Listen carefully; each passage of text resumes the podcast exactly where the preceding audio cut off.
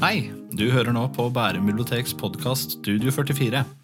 Ti forfattere, 30 bøker er en del av prosjektet Aktiv formidling og er sponset av Nasjonalbiblioteket.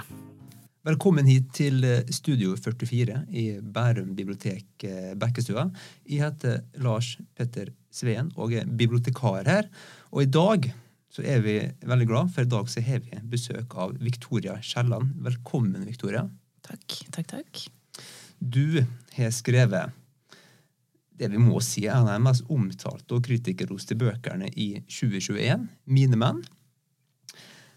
For å si litt om boka, dere som ikke er i studio og som ikke kan se den, så er det en nydelig innbundet bok og med en flott tittel, 'Mine menn'. Eh, og Likevel så er dette altså en roman om den kjente seriemorderen Bell Gunnes aller først, Victoria, før vi starter å snakke mer om boka, kan ikke du si litt til våre lyttere som ikke vet hvem Belle Gunnes er? Hvem var Belle Gunnes? Ja, um, det er jo liksom alltid et interessant spørsmål. For skal man begynne liksom på handlingsnivå eller hvem jeg tror hun var? Mm. Um, men uh, vi kan jo begynne med fakta, da. For hun, hun, levde jo. Hun er jo en historisk skikkelse. Uh, hun uh, kom fra Selbu i Trøndelag levde på, eller var ung voksen på slutten av 1800-tallet. 1890-tallet. Da emigrerte hun til USA. Um, og så har hun i ettertid blitt stående som eh, Amerikas første kvinnelige seriemorder. Det er jo litt av en bragd å ha, da. Ja. Det, det må, man, må, man, kunne si. At det skulle bli vår første eksportvare. Jo, ja. Ja. Men hva, med, hvor, altså, hva, var det hun gjorde? Altså, bare en veldig kort Um, Derom strides de lærde, da, kan ja. man jo si. Det, det, er mange rykter rundt denne historien, og det er ikke så mm. mange sånn um, hva skal man si uh, um, troverdige kilder. Men, men um, det finnes uh, mange historier som ligner på hverandre, så jeg har tatt mm. utgangspunkt i de kildene jeg har fått, eller sett oftest. da. Men hun Sorry. I stor grad sendte inn kontaktannonser svarte på kontaktannonser, da hovedsakelig i eh, norsk-amerikanske aviser. Eh, Skandinaven særlig. Um, kom i kontakt med menn som søkte koner, og svarte de på brev. Ba de om å komme. Eh, ba de om å selge alle tingene sine. Eh, sy pengene inn i jakkefòret og komme til henne. Og ikke si til noen at de skulle komme til henne. Og så skulle de få lov til å gifte seg med henne. Mm. Men det skjedde jo ikke, da. Det høres ut som en ganske bra oppskrift da, på å komme seg unna. Ja. Du har en setning i boka der hun sier til deg at, eh, eller hun skriver til deg at uh, når du har kommet hit, kommer du aldri til å ville dra tilbake igjen. Og det er jo et direkte sitat fra ja. brevene hennes, da. Mm. for det finnes jo noen bøker om henne, og um, særlig en amerikansk bok som jeg har brukt mye, Eh, den siterer jo direkte fra brevene, og de brevene ligger jo da dessverre ikke i Norge. Eh, men de ligger da et, i et arkiv da, i, i Laporte i, utenfor Chicago i USA. Det er jo veldig spennende. Du har rett og slett hatt et ganske stort historisk materiale å ta av. på et vis. Absolutt. Men så er jo det må man jo på en måte behandle med omhu, da. Mm. For, det, for, det, er jo, som jeg sier, mye rykter. Sånn at du kan ha en kilde, men den kilden, når du prøver, begynner å spore den, så ser mm. du at den, den ja. slutter ikke. Det bare fortsetter å være ja. ville historier, da. Ja. Så, så, min sånn eh, rett, altså moralske mm. retningslinjer har vært å gå, legge meg tett opp til de de historiene som dukker opp oftest. da. Ja. ja, for det er ganske, når jeg leste boka, så slo det meg Men har gått ut i boka før man på en måte, kanskje halvveis nesten, før man begynner å bli kjent med der myten om seriemorderen Belgunnes oppstår. da, så man, man, blir jo glad i Belgunnes. Kan jeg spørre, Du nevnte at det fantes brev av henne. Uh, har du brukt i brevet noe som hun sjøl har skrevet for å finne på en måte stemmen hennes i, i boka?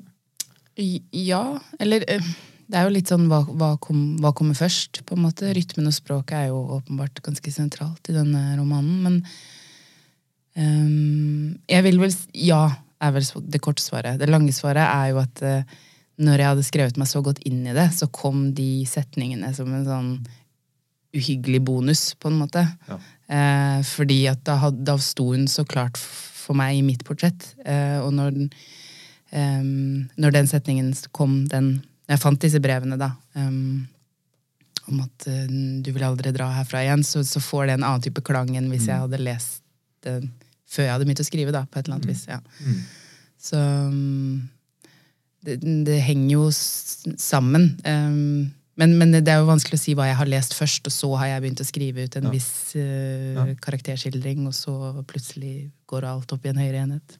Det skjønner jeg godt. Det skjønner jeg godt. Victoria Kielland. Uh, Bell Gunnes hun var jo, som vi snakka nå, en seriemorder fra Norge som er blitt et frykta navn i USA. Eller et brykta navn, kan man si. Men din roman 'Mine menn' det er jo, når jeg leser den, tenkte jeg at dette er et sårt og ganske vondt portrett av et menneske som er veldig sånn intenst til stede for meg som leser. Eh, dette er jo ikke en seriemorderroman, men en roman om kjærlighet. Og Da tenkte jeg underveis hvorfor i alle dager har hun gått til Bell Gunnes for å skrive om kjærligheten? Ja, spør du, spør du meg, så spør jeg deg, holdt jeg på å si. Nei, altså hun Nei, hun er jo en um, ekstremvariant, da. Hun er jo på et eller annet vis resultatet av et menneske som drar det altfor langt. Um, og og så har jeg nok kjent på en sånn impuls om at Eller i meg selv, da. Um, impuls og puls. At um, man kan liksom bikke litt over på den andre sida, men så har man noen verktøy i livet sitt som, som, gjør at man klarer å holde seg på den rette sti hvis livet liv mm. blir vanskelig. eller ja, sånn type ting. Men, men, en historie jeg ofte har liksom gitt i andre intervjuer, da, er jo liksom når jeg ble sammen med han jeg er sammen med nå, så ble jeg ekst ekstremt forelska på en sånn måte som skremte meg litt. da. Ja. Uh, og da var jeg liksom i oppstarten på denne romanen. Uh, og så bare merka jeg at hvis jeg bruker den pulsen og skriver på den åra i meg sjøl, da, da kan jeg finne fram til et eller annet veldig sånn glupsk og sårt og um, monumentalt, da, på et eller annet vis, ja. som tar over alt det kommer over. Og du kommer ikke utenom det, for det bare er liksom oppi ja. fjeset ditt. Det er ganske sterk original måte å snakke om kjærlighet på. Vi tenker ofte når vi snakker om forelskelse som noe ensidig positivt, men jeg bruker ordet glupsk. Og, og, i boka så er det jo, blir jo nesten konsumert av sine egne følelser. Absolutt. Mm. Og, og så, så, sånn er det jo for meg. Da. Sånn sett kan man jo si at jeg altså Jeg vil jo si at jeg har skrevet meg mer inn i meg sjøl enn jeg har skrevet meg inn i noen andre. Eller hun, da. Mm. Uh, men uh, det er jo virkelig sånn jeg sjøl har opplevd det, og jeg ser mennesker i min omgivelse opp, kan oppleve kjærligheten. da, Eller kjærlighetslengselen, kan man jo snakke om. da, mm. Det der, Hva skal man si? Um, behovet inni oss selv uh, mm. for å bli sett og elska, men også det behovet for å fylle oss selv med noe som gir mening, da, som er meningsfullt. Og mm. når noe som er meningsfullt, plutselig slutter å gi mening, så mister man jo også fotfestet. da. Og så er det det derre hvem er det som klarer å få deg tilbake mm. i normaliteten? Er det deg sjøl? Er det noen andre? Er det omgivelsene? Hvem er det som korrigerer det? Og mm. hvis ingen korrigerer det, da glir man jo stadig nærmere ja. stupet. Da. Og Du sier jo om fotfeste der og i, i boka di 'Mine menn'.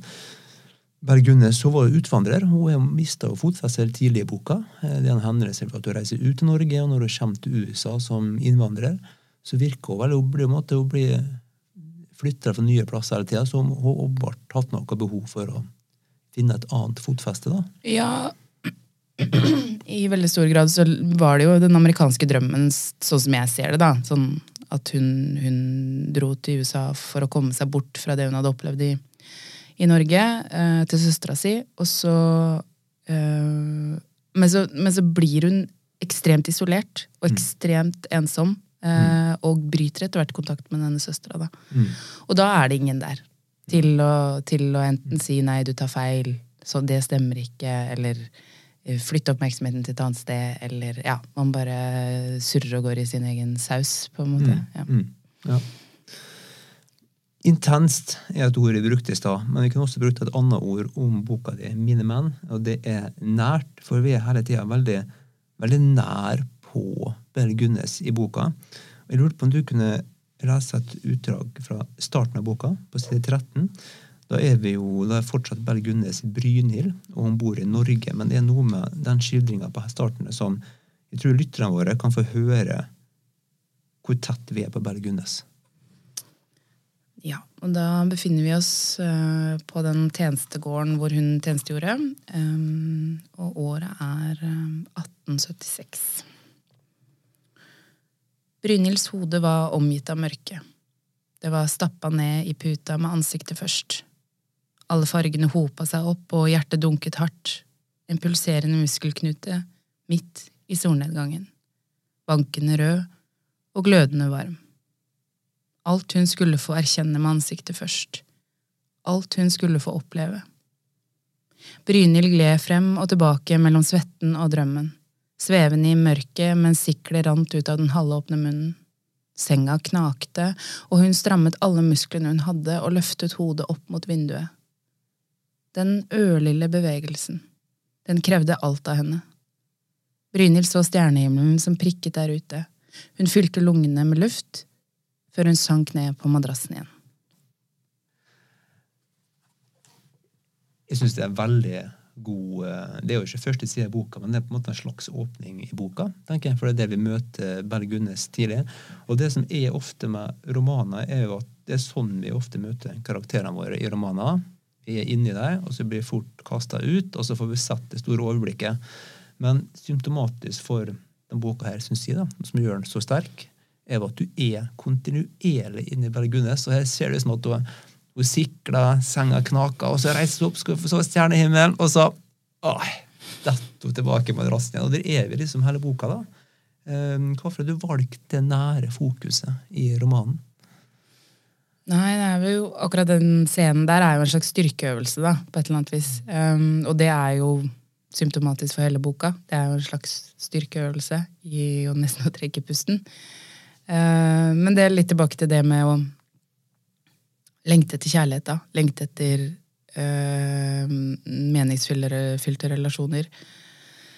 Um, kunne på en måte jeg, jeg skulle jo beskrive en kvinne som som gjør liksom som, som, tar et skritt over i den totale overskridelsen. Da. Altså hun, hun tar liv.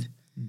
Eh, og hvordan kan man beskrive det uten å bli um, fortolkende på en eller annen måte? sånn at du, du, Man sier ofte i skriving og lesing at man snakker om telling i stedet for showing. Altså, her, er det jo, her er det jo en form for sånn overtell, overtelling for å kunne vise hvordan hun gradvis mm forflytter seg ut mot, mot avgrunnen da, i seg selv.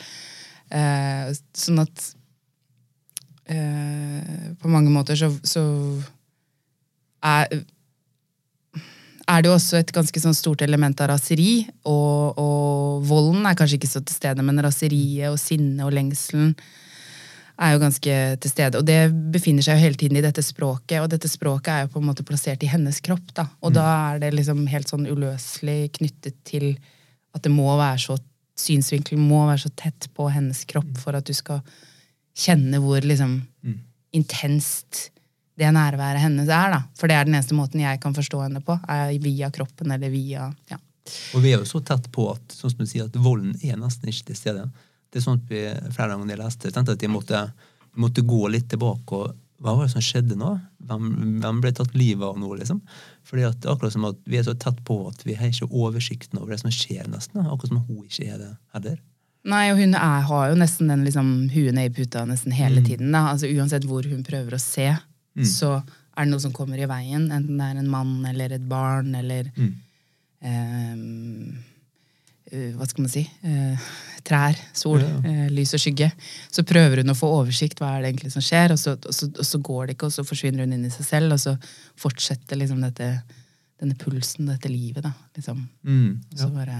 Til og med når hun strekker seg oppover mot, mot, liksom, mot uh, kristendommen og Gud og sånn, da, han er ofte at hun må knele istedenfor. Og så kommer det liksom ingenting uh, ut, ut, av det.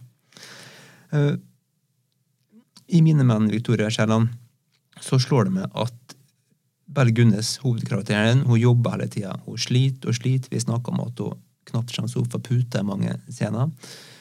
Og Det ligger en slags frykt der for at det ikke vil være nok, det hun gjør hele tida.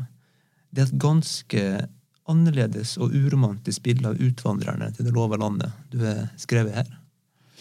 Ja, Um, Nå var jo ikke hun den første bølgen av utvandrere, hun var den andre. Men, men sånn som jeg har eh, gått til verks i kildene, så, så var det jo ikke så romantisk. Det var beinhardt arbeid. Um, og uh, sånn sett så er jo hennes historie ganske sånn utrolig, fordi det hun skrev i disse kontaktannonsene, var jo at hun, eh, hun var enke, og hun satt på en stor gård, og hun hadde mye eiendom. Eh, og det stemmer jo, eh, men det var jo veldig sjelden at en kvinne kunne på en måte gjøre den klassereisen så raskt som hun hadde gjort det. da. Hun gjorde det via to ekteskap som gjorde at hun fikk en god forsikringspremie da begge to døde. um, men men um, uh, ja, hun jobba hardt, men hun var også en av, kanskje en av de få som kom seg ganske raskt opp. da. Fra der hun hadde vært i Selbu som tjenestejente. Kom fra ekstremt fattige kår. Ja. Det er en slags amerikansk drøm, da. ja, det må man kunne si. Men den endte jo i total katastrofe. Ja. Og hvis dere har lyst å lese hele boka, eh, og vite hva som skjer med Belle Gunnes, så anbefaler jeg virkelig 'Mine menn' av Victoria Kielland. Vi kunne snakka Victoria mye lenger om denne boka her, men nå skal vi over til andre del av podkasten. Dette er jo en podkastserie som heter 'Ti forfattere, 30 bøker'. Og noe av grunnen er at hver forfatter på besøk har ikke bare med seg sin nye bok, som vi har valgt ut, men de skal også ha med seg tre bøker som de sjøl har valgt ut. Og det skal være én bok der vi har kastet i søpla, en bok som er en guilty pleasure, og en bok de bare elsker. Og da kommer det artige spørsmålet, Victoria. Hvilken bok er det du har lyst til å kaste i søpla? Det er så brutalt, det spørsmålet. Eh, det er, og, jeg har tenkt så mye om det. For det er, det er liksom Jeg skal jo ikke drive noe sånn eh, Kaste noen kollegaer under bussen, på en måte. Men eh, jeg kom på en som, eh, som jeg på en måte Som jeg ofte og mange ganger har villet kaste i søpla, men som også eh, jeg har gått tilbake til som eh, en veldig vakker bok, men en veldig traumatisk bok. Eh, det er 'Farvel, Rune', eh, med illustrasjonene av Wenche Øyen. Eh, som jeg tror mange kjenner til. Eh, de husker kanskje ikke hvis du bare sier det, men det er veldig mange som husker dette bildet av denne røde votten som ligger i en vannpytt, hvor denne lille gutten dør og drukner. Eh, og det eh, er en bok jeg ofte har tenkt nei, det var for tidlig. Det, det er Min generasjon leste om død for tidlig gjennom den boka der. Ja. Det, det er barnebok, ikke sant? Det er en barnebok. Ja, Mm. ja. Og Wenche Øyen sine illustrasjoner har aldri vært det samme etterpå. Nei, det er sant? bare Du ser bare den røde votten Eh, ja, igjen. ja. Ja, det er vondt. Det er måtte traumatiske som gjør at den går i søpla. Ja. Ja. Ikke fordi den er per definisjon dårlig, men den bare mm, Ja, den må jeg legge bort. Jeg får, begynner nesten å gråte når jeg, ser den. Vi ser den. Det er jo Convoy. Det er ofte sånn av og til med noen plater, eksempel musikk. da. Det er noen album du ikke greier å høre på. Fordi det er så tett knyttet til et brudd, eksempel. Ja, ja, ja, absolutt. Eh, Noe blir ødelagt for alltid, nesten. Ja, det, så, ja, det var spennende. Mm. Altså, vi har altså en bok i søpla noe at den førte til traumer, nesten. da. Ja, det, det er liksom For det, det er veldig få bøker jeg har lyst til å kaste i søpla, da. Ja. Eh, uten at jeg skal inn og gjøre en kvalitetsdom. Og så må det jo kanskje sies at jeg sitter jo i opptakskomiteen i Forfatterforeningen, så det er begrensa hvor mange bøker jeg kan si at jeg vil kaste i søpla. Da. Ja, Mm. det er er Uten at det vil få Ja. Er konsekvenser. det, er det en sånn moralsk ting det med å kaste bok, bok i søpla? At det, liksom, det skal man ikke gjøre, på en måte? Ja, for meg er det vært Ja. absolutt det. Ja. det ja. Det, jeg har jo jobba på bibliotek sjøl, og det Ja. å drive med kassering er vondt, syns jeg. Altså. Da er det bedre med den tikroners salgskassa uh, utafor. Kassering det er liksom det, det vonde såret som alle bibliotekarer må, må plukke på. det. Det er Men, det. eh, men noen bøker er jo Man kommer ikke bort fra at noen bøker er dårlige. Eller, kanskje, eller som du sier, sånne vekker vonde følelser. Er det ikke greit å kaste det? Jo, altså det jeg kan si, da, hvis jeg skal være sånn litt kritisk og streng, er jo at eh, sånn som forlagsbransjen fungerer i dag, så gis det ut veldig mange bøker som ikke er veldig gjennomarbeida. Både, både sakprosa, barnebøker, populærkultur, Mm.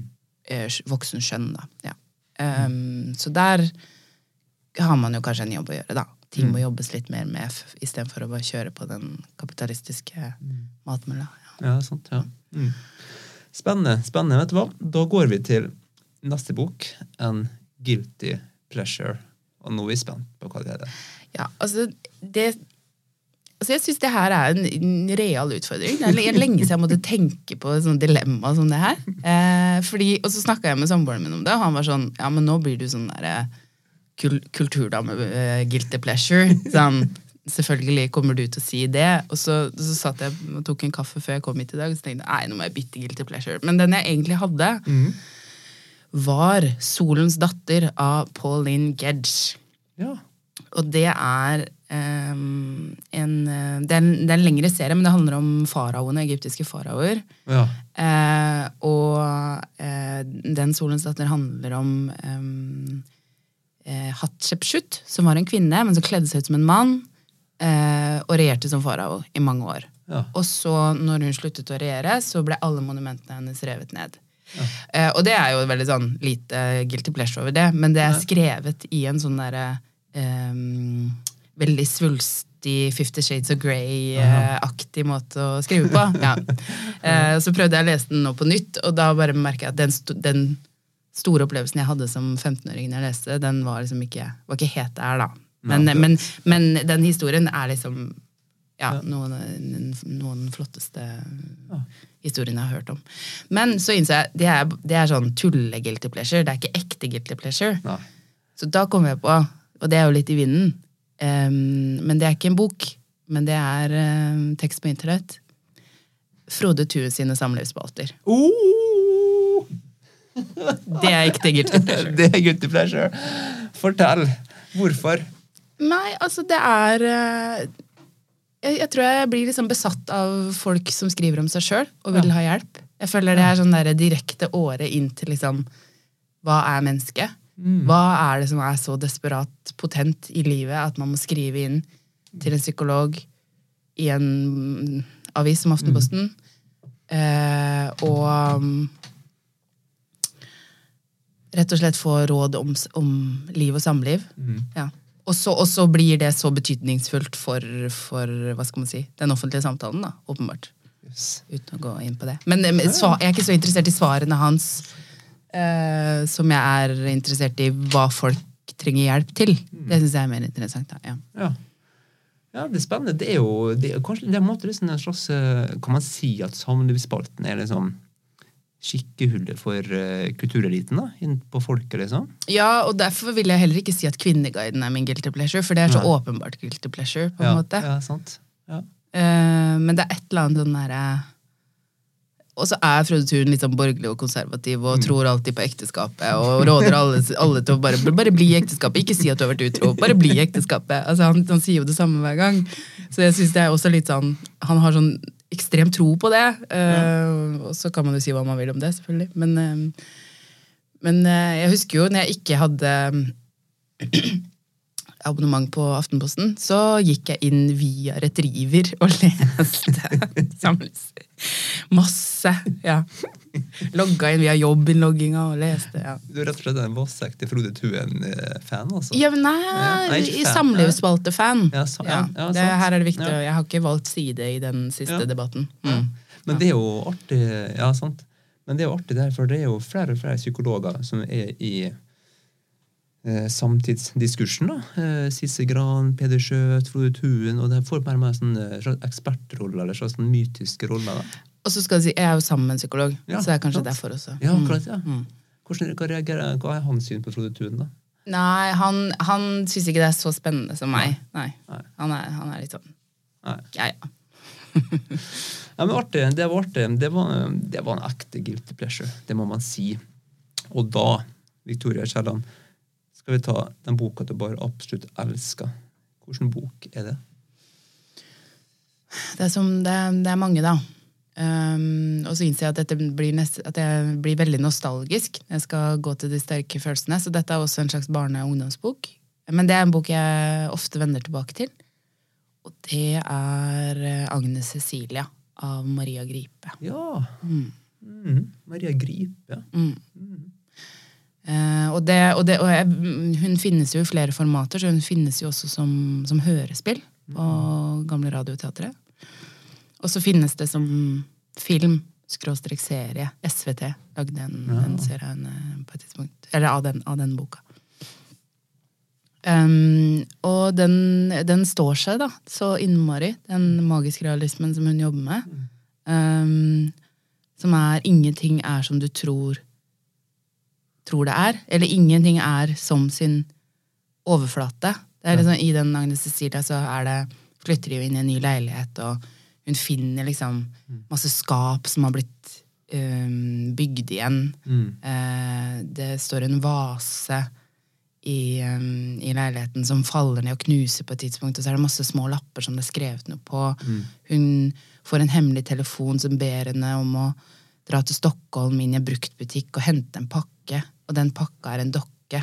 Og etter den dokka kommer inn i leiligheten, så, så er det, begynner klokka å gå annerledes Eller. Altså, det er liksom, Fantastisk. ja, det er helt, det er helt nydelig. Og det, og det er innenfor liksom rammen av realisme, så du, så du tenker jo at dette er fullstendig mulig. Den klokka kan jo gå motsatt vei, selv om det har kommet en dokke inn i leiligheten. Eller liksom, det, er- det, det er alltid mm, akkurat liksom innafor til at det ikke mm, det, jeg, Hun mister meg som leser, da. Ja. Mm. Maria Gripe hun står jo fortsatt på biblioteket. Bøkene hennes blir jo utlånt fortsatt. Mm. Eh, faktisk Kona mi snakka om at hun syntes de var så skumle, eh, Maria Gripe-bøkene. ja, men det kan jeg skjønne. Mhm. Nettopp kanskje fordi at ingenting er som det egentlig er.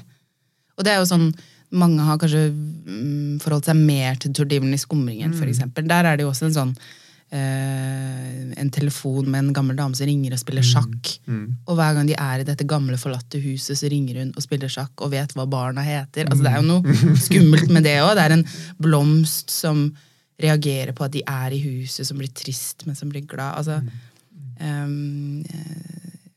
men det, er- det er liksom akkurat på grensa til at det ikke er horror. Ja. Men så er det liksom sånn, det er en sånn omsorg i måten hun skriver på. da. Men jeg hørte en podkast en gang som het um, De queera skuggene i Maria Gripes uh, bøker. Og den, den var uh, veldig svensk, selvfølgelig, men uh, også veldig god. Altså Det er noe med at ingenting er satt da, i hennes universer. I Skyggen bak steinbenken så har du jo den tjenestejenta, nå husker jeg ikke helt hva hun heter, men hun mm, kler seg jo ut som en gutt på kveldstid. Mm. Altså det er liksom Det du trodde var en størrelse, er ikke, er ikke det det ser ut som. da. Så ting er alltid liksom i flyt. Og det er kanskje det som gjør at det ikke er så skummelt. At det er liksom eh, Både språket og bildene og metaforen og det helt konkrete nivået er um, det, er ikke, det er ikke bestemt, da. At det er liksom en slags undring og utforskning av hva verden og livet kan være. ja. Mm. Det må jeg si var en veldig fin bok å ta med som boka man elsker. Og uh, alt av Maria Gripe finner man faktisk i biblioteket den dag i dag. Victoria Kielland, uh, takk for at du kom hit til Studio 44 på Bærum bibliotek Bekkestua. Takk for at jeg fikk komme. Og dere som har hørt på nå, vi anbefaler virkelig kom på biblioteket og lån 'Mine menn' av Victoria Kielland, eller gå på bokhandelen og kjøpe den. Det er en veldig fin bok, men ikke la deg lure, den er skikkelig fæl. Og god, ikke minst. Takk for oss.